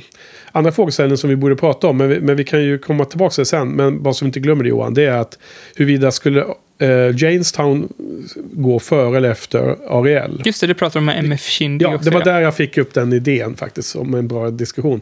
Men jag måste bara, bara spinna vidare. Vi, vi, vi, vi kommer ihåg den, va? Vi kan ta den om en stund. Ja. Eh, För att ska bara spinna vidare på den här eh, scenen när eh, River kom in och knivar Jane. Eh, Jag tycker att den, den platsen där det ligger i avsnittet så är det ju väldigt mycket för att sätta upp hur slutet av det här avsnittet blir. Mm. Eh, Jag menar, de pratar om min crew, säger Mal. Och, och Jane pratar om att eh, de är galna och de, de borde lämna skeppet och sånt. Va? Så Ja. liksom den understödjer ju eh, Baldwins idé där att Jane gör det för att rädda, eller för att skydda sin crew. På något sätt och allting. Mm. Men det finns ju en annan tolkning av varför River gör det där. Och det var det jag tänkte, alltså som jag har hört när man har följt andra sådana här eh, forum och mm, poddar för länge sedan som har pratat mycket mer om Firefly. Sån här typ av allmän kunskap runt Firefly som jag fick runt för tio år sedan ungefär. Så finns det en ganska mm, intressant eh, teori att anledningen till att hon skär honom är att han har en t-shirt som står Blue Sun på. Mhm. Att hon, hon ser bara den signalen som är synonymt med de som skar henne i huvudet hela tiden. Jaha. Att det är därför hon knivar honom. Ja, nej, så tolkar jag. För, så som jag tolkar, alltså första gången jag ser scenen, eller det blir väl andra gången, men när jag först ser att hon slicear honom över bröstet så blir jag bara så jävla irriterad på Rivers. Bara, alltså, nu ska hon hålla på igen liksom. Ja. Och sen när man ser, för det hade jag glömt att Jane förråder dem. Ja. Och när jag ser det så bara, ah, nice, då var det inte helt, helt utan anledning som hon bara random sliceade, utan det var för att han skulle förråda dem. Liksom. Du menar att hon hade en föraning om detta eller? Ja, det... eh, tycker inte du det, eller? Ja, alltså. Eh, hon har ju föraningar titt som tätt. Och det har vi sett redan och det kommer bli ännu mer föraningar.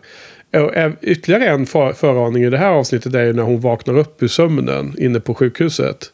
För de blir insmugglade genom att eh, sova djupt. Ja, För då, eh, du vet när de vaknar och de börjar kräkas och så. så. Eh, Simon vaknar ju med världens hostattack. Men, men River verkar ju fine till att börja med. Hon sätter sig bara upp ur den där eh, bodybagen då hon har legat i. Och säger han “Copper for a kiss”. Och, och det tolkar de ju till eh, den här eh, silvermynten, eh, Judas-kyssen. Judas eh, förråder Jesus. jag tänkte på plata och plomo. Alltså, Va? bly eller pengar. Alltså, nej, det var inte alls samma sak. Nej, men, for kiss. Ja, Nej, det är alltså lite det är lite så här eh, referens till det bibliska där och att hon redan då vet att han har, kom, har eller kommer förråda dem då. Ja. Jag tänkte så här, man borde egentligen bara skriva ner allting som hon säger. För att jag, jag känner att jag har litat för lite på writers när det gäller just River. Men man vet ju att Joss har ju till exempel den här Cheese Man. Att han har sagt att det, det betyder ingenting.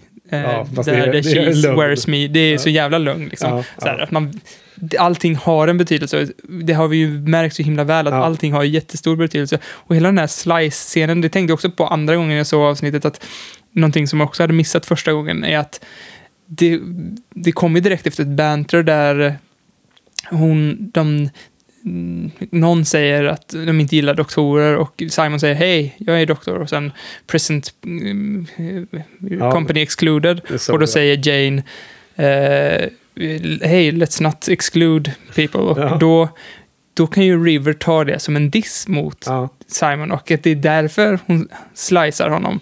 Men, eh, men, Nej, eh, men jag, jag tycker det är kul att det är så här lite otydligt och att det är också någonting man, man får tolka, som du säger. Det är kul att man inte får För mig kändes det ganska självklart att det var för att han skulle förråda som att Ja. som han, hon sliceade honom. Men att man byggde upp det, både med den här Blue Sun som jag inte tänkte på alls, men också att den här lilla dissen, att det bara var en random infall Ja, för att hon diss, ja. han dissades. Där. Absolut, men jag, jag tror att det är mer... Jag, eh, jag är med på det laget att tro att det är för t-shirten.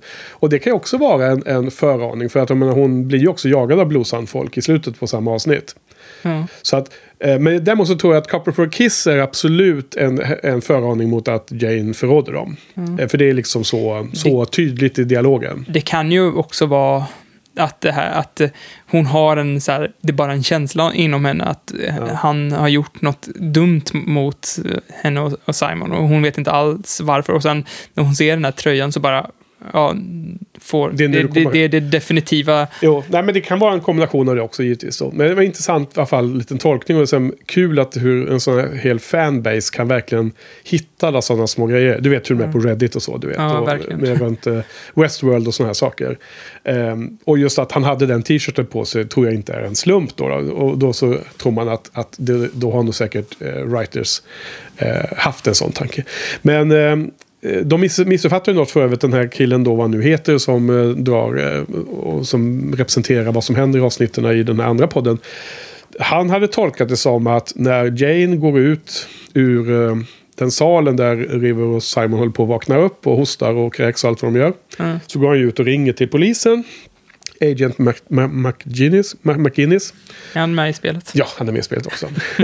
och då så tro, trodde de på den andra podden att det var då han förrådde dem. Men jag tycker att den dialogen är ganska tydlig med att, att det är liksom minst andra samtalet. Ja, ja, det är Alltså, jättetydligt. nu, har jag, nu har jag de här. Liksom, han har redan ringt och förhandlat om pris och allt sånt där. Ja, alltså du, ja, du vet ju hur jag tycker. Jag tycker ju att det är, han är på, skeppet när han blir slicead, då, då, har jag, då är det redan allt uppsatt. Liksom, och, då, och River har redan känt av att han har gjort eh, förrått dem. Och liksom. Ja, jag tror, ja, absolut. Det kan ha hänt på skeppet. Men jag tror att det är ännu mer troligt att... Eller jag har alltid tolkat det som, så att, sen får du bedöma själv om du tror det är mer troligt eller inte. Men att han är ju ute ensam på stan på Ariel när han skaffar de här eh, utrustningen, kläderna som de använder, de här sjukvårdskläderna. Han är ju på stan och betalar en, en skum snubbe som kommer gående med två det. militärbags som de släpper. Och den, den killen är också med i spelet. Det är ju The Fixer. Det är Ja. han.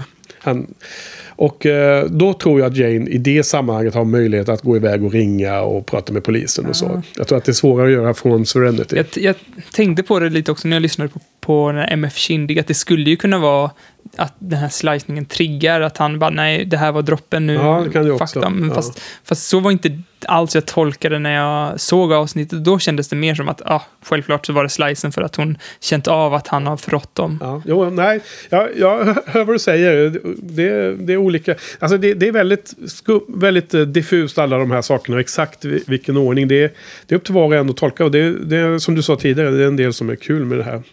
Men du, eh, ska vi ta det där eh, Jamestown eller Ja. Ariel i, i, vilken ordning? För att de framförde i den här andra podden en, intressant frågeställning då. Där de då tyckte att Eh, för, det är helt klart, och det anser väl, fattar väl alla, att de här två avsnitten är båda, eh, åtminstone delvis, Jane-centrerade. Då.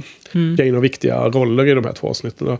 Och i, i Janestown så blir han mer eh, redeemed, liksom. Han är mer får återupprättelse för att han, han har liksom, Eh, vi får, får visa känslor och visa goda sidor. Och då kan de då tycka att då borde det komma efter Ariel. Men jag vet inte fast om jag håller med om jag ska vara helt ärlig. Um, därför att han är ju hjälte där och han visar känslor förvisso. Men det är ju det är inte för att han har gjort något gott till dem. Utan det är ju för att, som, som sägs i avsnittet, det är ju för att de där mothers, de här som är halv, mer eller mindre slavar, behöver en, en, eh, en, en, pers, en figur att, att dyrka liksom som räddare. Ehm, och, och jag vet inte om, om Jamestown efter Ariel skulle varit ha samma få samma betydelse. Har, har, vad har du för någon Nej, det är svårt det att se... Det är svårt att se hur Mal och Jane bondar på det sättet som de gjorde i Janestown där i slutet. Efter att Jane har förrått honom så jävla hårt. Ja, Det är ju väldigt svårt, men det är ju en intressant tankelek tycker jag. Ja. Att, att ha Jamestown efter, just för att liksom det, det här är ju bra för att fördjupa hans persona mer efter det som hände i Ariel. Så att vissa saker, ja, det hade varit intressant att ha efter Ariel. Ja, men, jag- men avsnittet som helhet hade nog inte riktigt funkat. nej, jag, jag tror att den där sista scenen i Jamestown har man varit tvungen att ta bort helt. Då. Ja, Men sen så tänker jag också att de menar på att Jamestown är mer positiv för Jane medan Ariel är mer negativ för Jane. Men jag, jag tycker också att sista scenen i Ariel är lite underbyggd av Jamestown. Att, att Mal i, mitt, i mina ögon då ångrar sig. Att, att han Mal går från att ha tänkt sig döda Jane till att verkligen inte döda honom.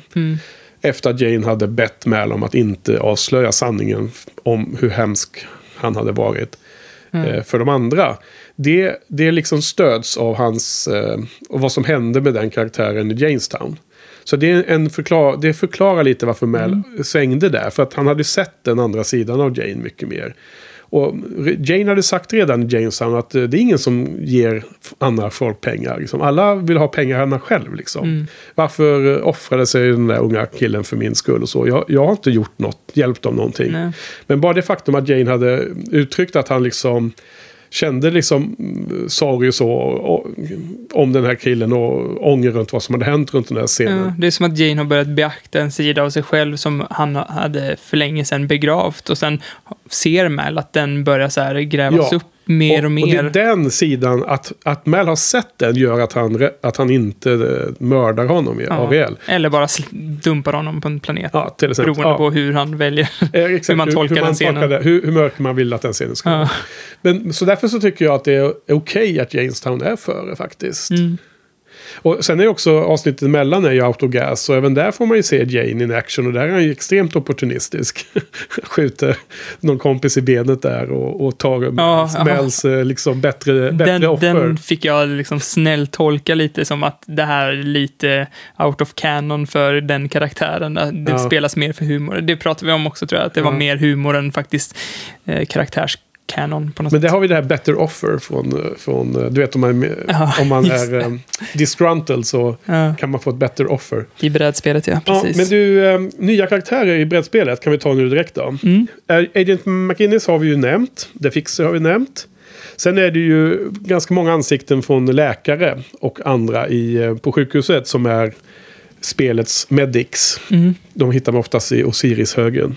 Och sen den sista som jag tänkte på det är den här official looking vehicle. Det är den transport eh, gear, det är alltså den, Mm. den prylen. Det är just den här som de hittar på den där eh, och bygger ihop. Ja, Eh, jag läste, Kaylee bygger och, och Wash. läste i mitt kompendium att de hittade den eh, på en scrapyard eller något sånt där. Ja. Något slags flyghangar eller något. Ja, och men, ja. att de eh, fansen köpte tillbaka den och att den, Jaha. den får turnera nu på olika sådana mässor. Ja, på sådana där, här eh. Ja. Ja, de sa på um, MF Kindig-podden att det var en, en gammal propp från filminspelningar. Som är då en eh, förminskad helikopterkropp. För att eh, riktiga helikoptrar som den skulle representera är för stora för det skulle vara praktiskt att spela in på. Ja. Så då har man liksom gjort en mindre variant för att det är billigare att hantera. Mm. Och att den var då förbrukad och så hade man ungefär som man ser i, i avsnittet. Då hade de bara plockat upp den på någon Mm, gård. precis. Kul. Ja. Så, vad heter det? Du hade en fråga till va? Nej, som du det... skickade till mig. Okej. Den, jag kan läsa din fråga som du skickade Ja, ja. till mig. Sen har vi saker med Inara, åker på Companion-undersökning. Ja. Något att spekulera om. Vissa fans tror att de gjorde något annat och att hon är på Serenity för att hon har lämnat Companion-gänget. Mm. Det, jag har så här, lite motfråga där, för jag kommer inte ihåg riktigt vad som händer i filmen. Så där, men är det så i den här världen att man ofta har, liksom, en, som companion har man ett guild som man tillhör? Mm. Så är det. Och att då, är- då är det, och det är inte vanligt att man liksom är frilansare, eller vad man ska säga. Ja, jag, jag, jag, tror att Guild eh, är absolut. Och det, det vet vi redan därför att i avsnittet Kindig. I slutet när eh, han Atherton som eh, duellerar mot Mal. Mm. När han eh, tycker att Inara har förrått honom. Mm. Så säger ju Atherton att Åh, jag ska... Du kommer aldrig mer få jobba som companion. Jag ska sprida ryktet om att du är bad. Och då säger hon, det är inte så det funkar. Det är tvärtom. Du kommer få ett black mark nu Ja. i boken. Och du, du kommer aldrig mer kunna hyra någon companion. Det är ju via den här gilden som hon är med i. då, då är det inte guild jag menar. Jag menar så här, att de har olika hus, att det finns olika companion-hus Ja. som man tillhör. Liksom, att man, man har, eh, ja, en, ja, om man ska motsvara en bordell, liksom att man tillhör den här bordellen och man jobbar för den här bordellen. Men Alltså det som... ehm, utan att spoila framtiden så, så om man tar i väldigt generella ordalag så verkar det som att man, det finns eh, en eller flera ställen där man går liksom i companionskola. Och det är det akademin de pratar om. Mm, men det är gildet liksom. Ja, exakt, där liksom är själva där den här eh, samlingen av de som blir upphöjda till companion kommer från eller, eller hör ihop via en sån ställe.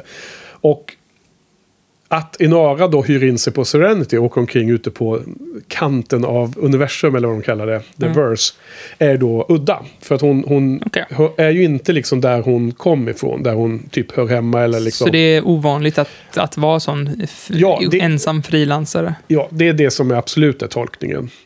Eh, senare i historien, någonstans fram i tiden, får vi se scener från, från det här Academy. Så då, då kan man fundera mer på liksom, eh, de här frågorna. Men, Ja. Så jag, jag håller med om att det är en intressant eh, diskussion. Och eh, eh, folk som la märke till, eh, fansen har ju diskuterat den där sprutan som Inara hade i pilotavsnittet. Då, Mm. där de hotades att bli bordade av Reavers. Mm. Och eh, nu har ju det avslöjats via intervjuer och så vad, vad den där sprutan var till för. Det här otroligt hemska, det ofantligt mörka avsnittet som de Ja. aldrig fick göra. Kanske lyckligtvis, för det verkar ju vara så bisarrt. Vi, vi drog ju det i en tidigare podd. Ja. Men innan man, det där blev eh, som, känt som, som kanon, då var det ju diskussioner om vad sprutan var. Och, och ganska många trodde att anledningen till att hon hade lämnat The Academy var för att hon inte längre skulle klara de här årliga medicinska eh, kontrollerna. Och att sprutan hade någonting att göra med någon sjukdom som hon hade. Och att det är därför hon är liksom typ gett sig av på egen hand. Och det är väl också en... eh, Stämmer väl ganska okej med hela karaktären och att det är liksom lite halvdiffust varför hon är där hela tiden. Och, och i så fall, i analogi med en sån tanke, så skulle hennes då besök här nu när de åker till Ariel, det skulle vara lite fake då. Att hon säger att hon ska åka på sånt besök, men hon kanske inte hade gjort det, utan hon hållit sig borta. Alternativt då, om man vänder på steken så skulle man kunna tänka sig att hon Eh, oavsett om det är eh, akademin eller om det är någon helt annan så åker hon till en läkare på grund av att hon är sjuk. För att hon vill liksom få hjälp då med nya mediciner eller mer undersökningar eller något annat. Då då. Och, det, och det, det skulle kunna ske med eller utan eh, Companion-akademins eh, välsignelse.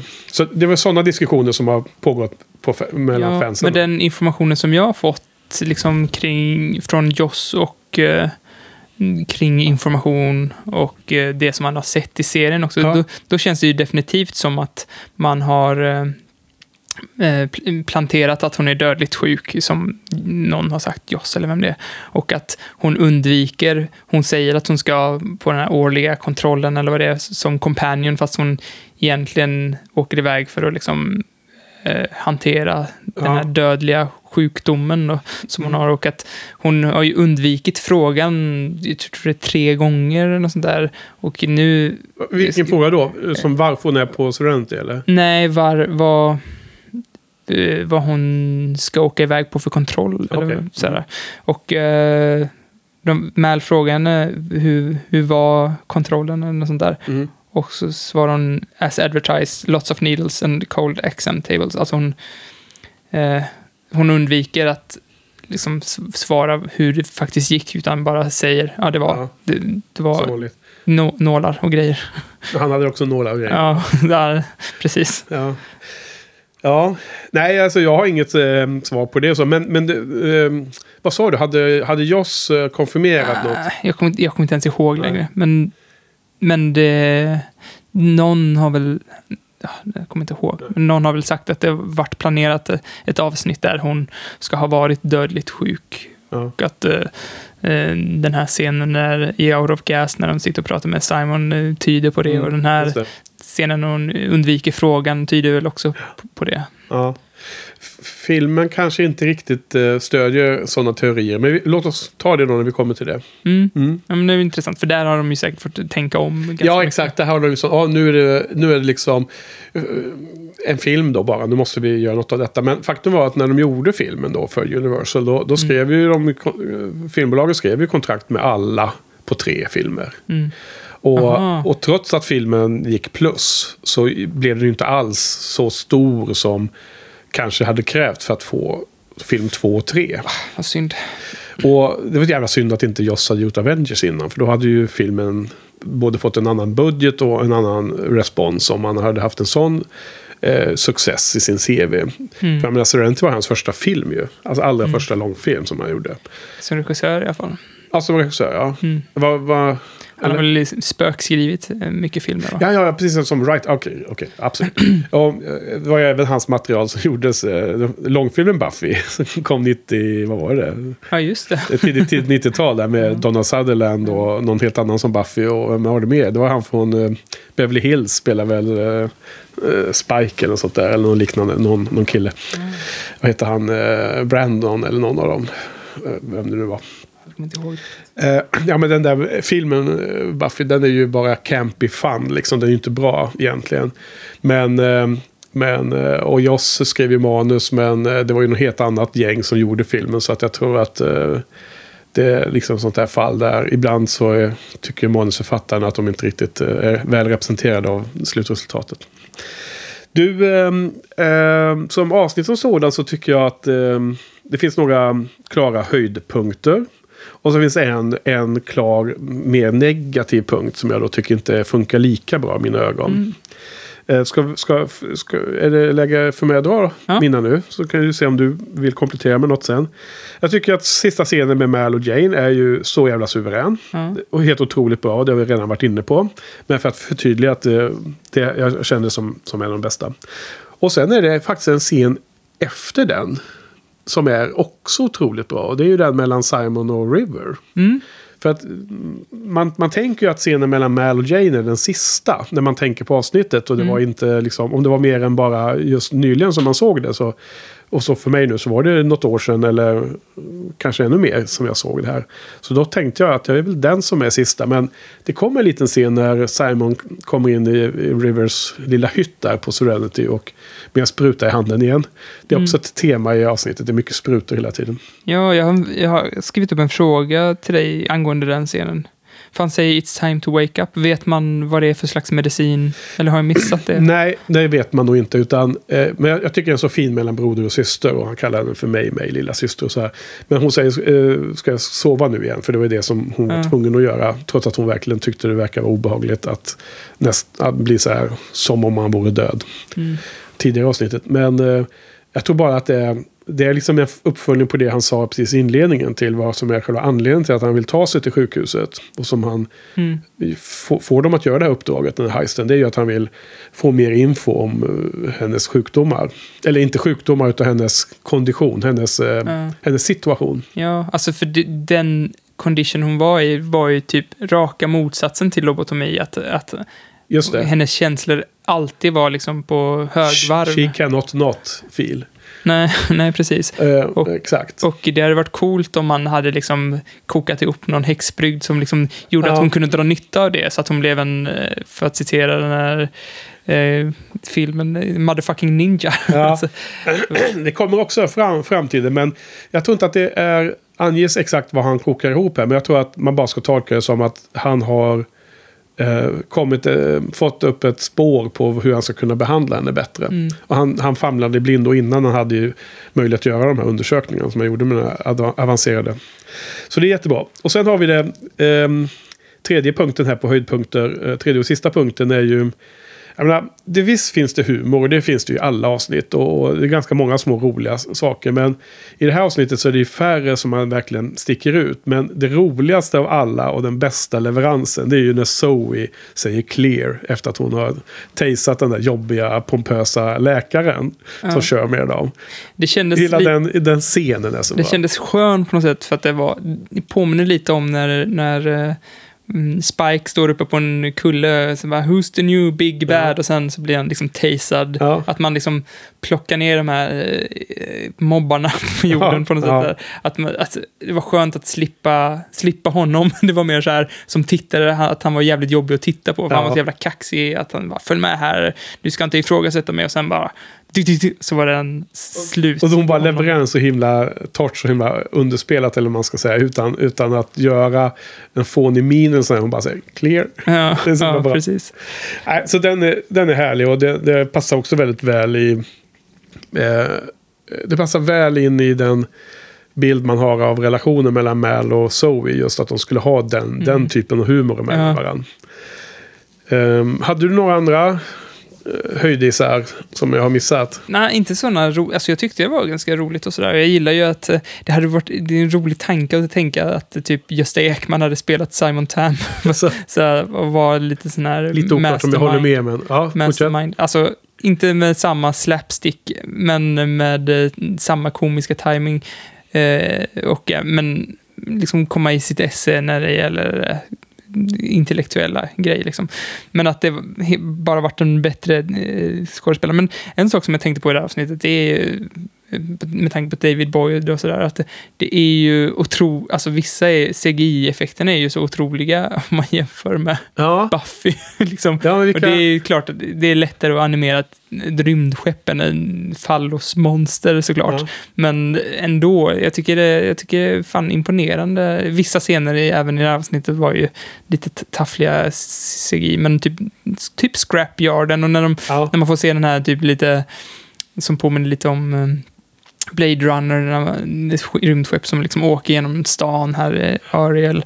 Det, eh, ja, det var coolt att se. Ja. Och sen, eh, tänkte på mer, att, att eh, ehm, eh, ah, det försvann i huvudet på mig. Ja, Du kan fundera, men jag, jag säger, för att jag hade ju en negativ del i det hela. Jag tycker att, att eh, all eh, dialog och karaktärsutveckling och eh, relationer inom gruppen är ju tipptopp verkligen. Men det, det jag inte riktigt gillar Johan, är du med nu? mm, jag är med. Ehm, det är liksom look and feel av, av scenerna som är efter att eh, River och Simon och Jane har blivit tagna av alliansen. Alltså det här kalla blåa ljuset och de här korridorerna som man, det känns som att de springer igenom. Du vet när River springer undan och, och hittar vägen ut. Hon hittar ju till Mal då. Mm. Hon, som att hon nästan känner av vart han är liksom. Mm. Pappan som ska rädda henne. Ehm, och, och det är ju fantastiskt i sig, liksom den, den, att, att de följer henne där då. Men eh, alltså de scenerna är härliga. Men jag tycker att det är då ful miljö och då fult, ful färg. Eh, Jag, jag förstår att de vill att det ska vara kallt och eh, hemskt. Men jag tycker att man kan göra den kalla och hemska miljön annorlunda, kanske bättre. Så att man får att det är mer production value som vi nämnde tidigare under avsnittet. Jag tycker att det är så sunkiga scener helt enkelt. Ja. I, I look and feel menar jag. Jag håller med på, ett sätt. För jag, för jag tänkte också på att det var väldigt, det är väldigt mm, fult sjukhus på något Ja. sätt. Och att det, det blir lite som första avsnittet av Buffy, att man bara springer runt där i korridorerna. Liksom. det händer exakt, liksom man får inte heller en bra känsla för Nej. geografin. Eller det- vad heter det? Hur det ser ut. Nej, där. och det står i kompendiet att där är en av de grejerna de fick improvisera mycket, för de hade den här byggnaden som de skulle spela in i. Den här byggnaden har de också spelat in mycket Buffy i tydligen, eller om det var Angel, ja, något utav det.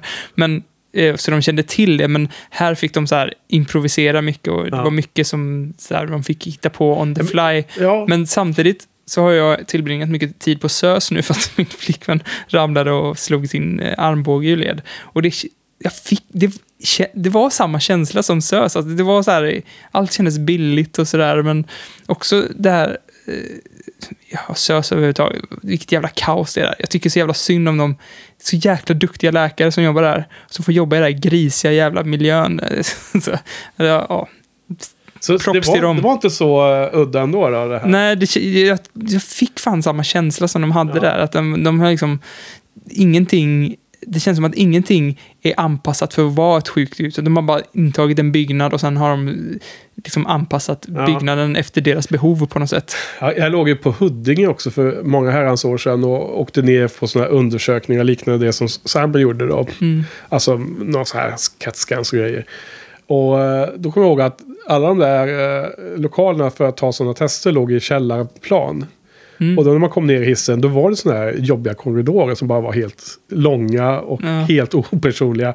Så det kanske stämmer att det, det är så här det ska se ut. Men jag tycker att eh, produktionsmässigt så hade man kunnat gjort det bra mycket bättre. Och, Mm. och jag tycker även att River, om jag för mig, om jag kommer ihåg rätt, liksom i de här scenerna, hon, alltså hon, hon spelar ju bra där. Hon är ju vettskrämd för um, the, the Man in Blue. The, the man Hands in Blue. Blue. Hands of Blue. Eh, såklart, med rätta då, då. Det behöver vi förstå att det är bäst att hålla sig borta från dem. Mm. Eh, så hon spelar bra, men hon ser liksom... Hon ser dåligt filmad ut helt plötsligt då. Även om vi hyllade Boydinnan här nu. Så, jag, jag, jag tycker att den biten är någonting som jag inte riktigt tycker är Ja, man, man kastas ju ver- verkligen mellan... Man, mär, man märker när det inte är on par. En sak som var också som jag tyckte var så jävla dålig, det är ju de här jag vet inte, de här takboxarna som transporterar människor i. Ja, du menar skidboxarna? Ja, skidboxarna. Ser ut som, vad heter det? Ja, så här de har på åka upp till fjällen. så, det såg ju, och så har de lagt på någon jäkla ljudeffekt som bara, psh, när man Ja. öppnar de här. Bara, ah, det De här var är bara för, ja. för billigt. Liksom. Ja. Och det, här, det är klart att det är bra att improvisera, men det här känner jag att de kunde liksom bytt ut de här boxarna mot något riktigt. Och så kände jag också så här jävla konstigt att varför skulle de ta något serum så att de blev döda? När de ändå bara liksom låg i de här boxarna. Jo, förvisso, men, men, men det var också en del av skämtet var ju, som gjorde en ganska stor arbeta arbete runt, det var ju att eh, de, de förväntade ju sig att, att det skulle vara någon form av kontroll när de kom fram. Så att läkarna skulle öppna och kolla att det, liken var lik och de skulle intervjuas på vad de hade gjort av de här eh, eh, ambulansmännen. Det var därför de höll på att repetera alla de där svåra medicinska termerna då, som Jane hade så svårt att lära sig. Och sen så när de väl kom fram så var det ingen som brydde sig. Det var bara att gå vidare till, till The Morgue. Vi- Vilket blev en eh, så här practical joke nästan då inom Ja, avsnittet. de missade eh, det kanske. Ja. Jo, men, ja, de pratar ganska, men de pratar om det om på MF Kindig också. De tyckte det var hysteriskt bra skrivet. Att, eh, de nämnde det att den här när, de, när Mal och Zoe och Jane ska repetera de här medicinska termerna. Att det tog för lång tid. Det drogs ut på för långt. Men att anledningen till att de gjorde det i avsnittet var just för att det, det skämtet får ju sin punchline när de sen bara får passera utan att... Och Jane försöker till och med säga sin line bara för att han har, nu har övat sig så länge. Ja. Så nu ska han fast få säga det här. We attached, uh, vad han nu säger. Och du vet, didn't get uh, response och allt det där. Så att jag, jag tror att det var nog, de har nog förberett sig. eh, Alltså Simons plan där var nog säkert solid. Men de slapp den biten. Och det är väl också ganska rimligt kanske i, ett, i en akut att eh, båda alternativen skulle kunna ske teoretiskt sett.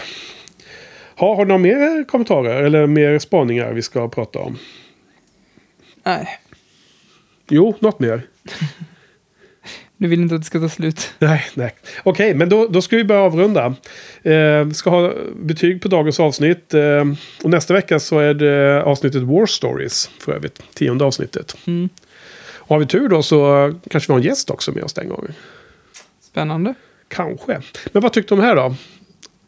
Eh, mega bra. Jag tyckte det var roligt att eh, de fördjupade Jane, man älskar Mal ännu mer och man fick eh, lite mer sympati för Simon som både liksom hade en egen liten agenda och han hade lite mer personlighet och fick mm, spela lite Sickan och, och han eh, fick också han kaxade mot polisen där, liksom att hans, han, Mm. han liksom... Rösta upp sig lite. Ja, han så här, eh, ni är bara hej, hejdukar, det- så här, ni har ingenting att säga till om. Så här, det, ja, han kaxade Ja. emot och det kändes nice att han Lite fick balls lite mer, ja.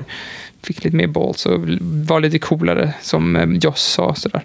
så ja, men det, Han var i sin hemmamiljö helt plötsligt. ja, väldigt Och man fick nice. se honom excellera som läkare också. Ja, och man, jag lade också märke till allting som River sa att jag, då när Jane förrådde så tänkte jag så här, ja, men jag har en tanke bakom allt skit som River och jag Mm. ville så här gå tillbaka och liksom lägga märke till varenda grej som hon säger. Hon säger någonting om jul, att eh, någon kommer att ta hennes julglädje Ja, och så säger hon någonting om att, be, att Det- Jane begraver tårna Ja. i, sanden och eh, ja, det var lite olika grejer. ja, det glömde vi prata om. Men när River säger det här, they, they took Christmas away. Det är ju väldigt bra eh, line. Väldigt eh, mycket man kan tänka om den. Ja, jag har inte riktigt, tänkt så mycket på den. Jo, men, Det var också en grej med manuset som jag tänkte på, som jag faktiskt gick tillbaka till manuset Mm. och kollade för att de... ja, just det. Du säger- skulle nämna det. Come out of the, the bite, tycker jag hon säger. They come out of the bite, they come when you call. Och sen så gick ett... Och sen ni Pratar undertecknade... om Hands of Blue eller? Det är när hon vaknar upp där Aha, okej. efter den här Okej. scanningen som också var väldigt, jag tycker är väldigt eh, snygg, alltså för att vara en tv-serie Ja. som är ganska gammal. Eh, men eh, hon vak- då tycker jag att hon säger they come out of the bite. Men så står det i undertexterna they come out of the black och sen gick jag tillbaka till manuset och kollade och då stod det they come out of the black också. Så att det, det var bara kanske jag som hörde bite där. Eh, It's okay. Get her in the chair. Let's go. No, no, no. They come out of the bike. They come when you call. It's okay. It's, it's over. We're leaving. Your toes are in the sand. And your head's up your. Hey, back off. Jag vet inte riktigt vad det betyder, men. Var det något mer? Du, du, du tissade om att du hade varit med och tittat i originalmanus på flera ställen. Ja, jag, jag kommer inte ihåg nu. Nej. Men Ja. det är också så här dubbel betydelse när hon säger I can't go back. Så vet man inte ifall de menar att hon can't go back till så här, Blue Sun eller can't go back till, Förra rummet. ja, eller can't go back till eh, Serenity. Eller, Ja, ja. man, man vet inte riktigt. Men det är väl också att de dividerar om någon som springer åt höger eller vänster. Och då säger hon, eller framåt eller bakåt. Och säger hon, jag can't go back. Och då kan man tolka det som att hon vill inte bli tagen av dem också. Ja, alltså det finns flera sätt att tolka Ja. den scenen på. Så jättebra. Ja, så man, lä- jag la märke mer till vad hon sa och Ja. det är väl en bra grej för att jag bara varit störd på henne. Så både Simon och River har växt lite i det här avsnittet, så bra skit. Ja. Ehm, bara en kommentar runt det här med Take Christmas Away. Det är ju det är också en eh, sån uh, dubbelmening. För jag tror att det är, dels kan det mycket väl vara så att det var eh, en, en beskrivning av hur det var för henne och de andra barnen på där de var tagna då. Mm. Ehm, alltså bokstavligen. Men det är också en ehm, eh, blänkare till Jane. För att han kommer alldeles strax få bli medveten om att han inte får sina pengar. Mm. Så de took Christmas away för Jane. Ja. Jane som väntar ja, de på sa sin... någonting om det i sin betalning. Shindig. Ja, Ja. ja. Ja, men det, det är en... mm, En känd Väldigt- spaning kanske. Väl, ja, na, ja, precis. Men det är också att, d- som du är inne på här nu då, och formulerat att nästan allting hon säger eh, har jag väl riktat till mer eller mindre till Jane i det här avsnittet tror jag. Ja. Ja, nej, men för mig är det nog fyra och en halv av fem. ja, det är en jäkligt stark fyra för mig också faktiskt. Nice. Mm. Vad bra. Ja, men då, då är vi nöjda för idag kanske. Mm. Ariel, inne i den blå, blå rymden på, på The Board Game. Ja. Det är Viktig plats även där. Center Planet. Ja. Just det, du fick en fråga om en fråga till som jag missat som du skrev till mig. Om eh, Zoe och Wash Ja. i Banter. Den skiter vi vi skiter i det. Ja. Det får bli gång. Det får bli Mm. nästa vecka. Då kan det bli eh, Zoe Wash fokus. En liten cliffhanger. Ja, det får det bli. Mm. Okej, men tack Johan för idag. Och eh, Tack, på återhörande. Tack Joss. Trycker du på stopp Tack där? för oss. Ja, just det. Tack Joss. Ja, jag har sagt det. Tack för oss. Ja, jag glömde. Ja, stopp där va? Ja. Hej då.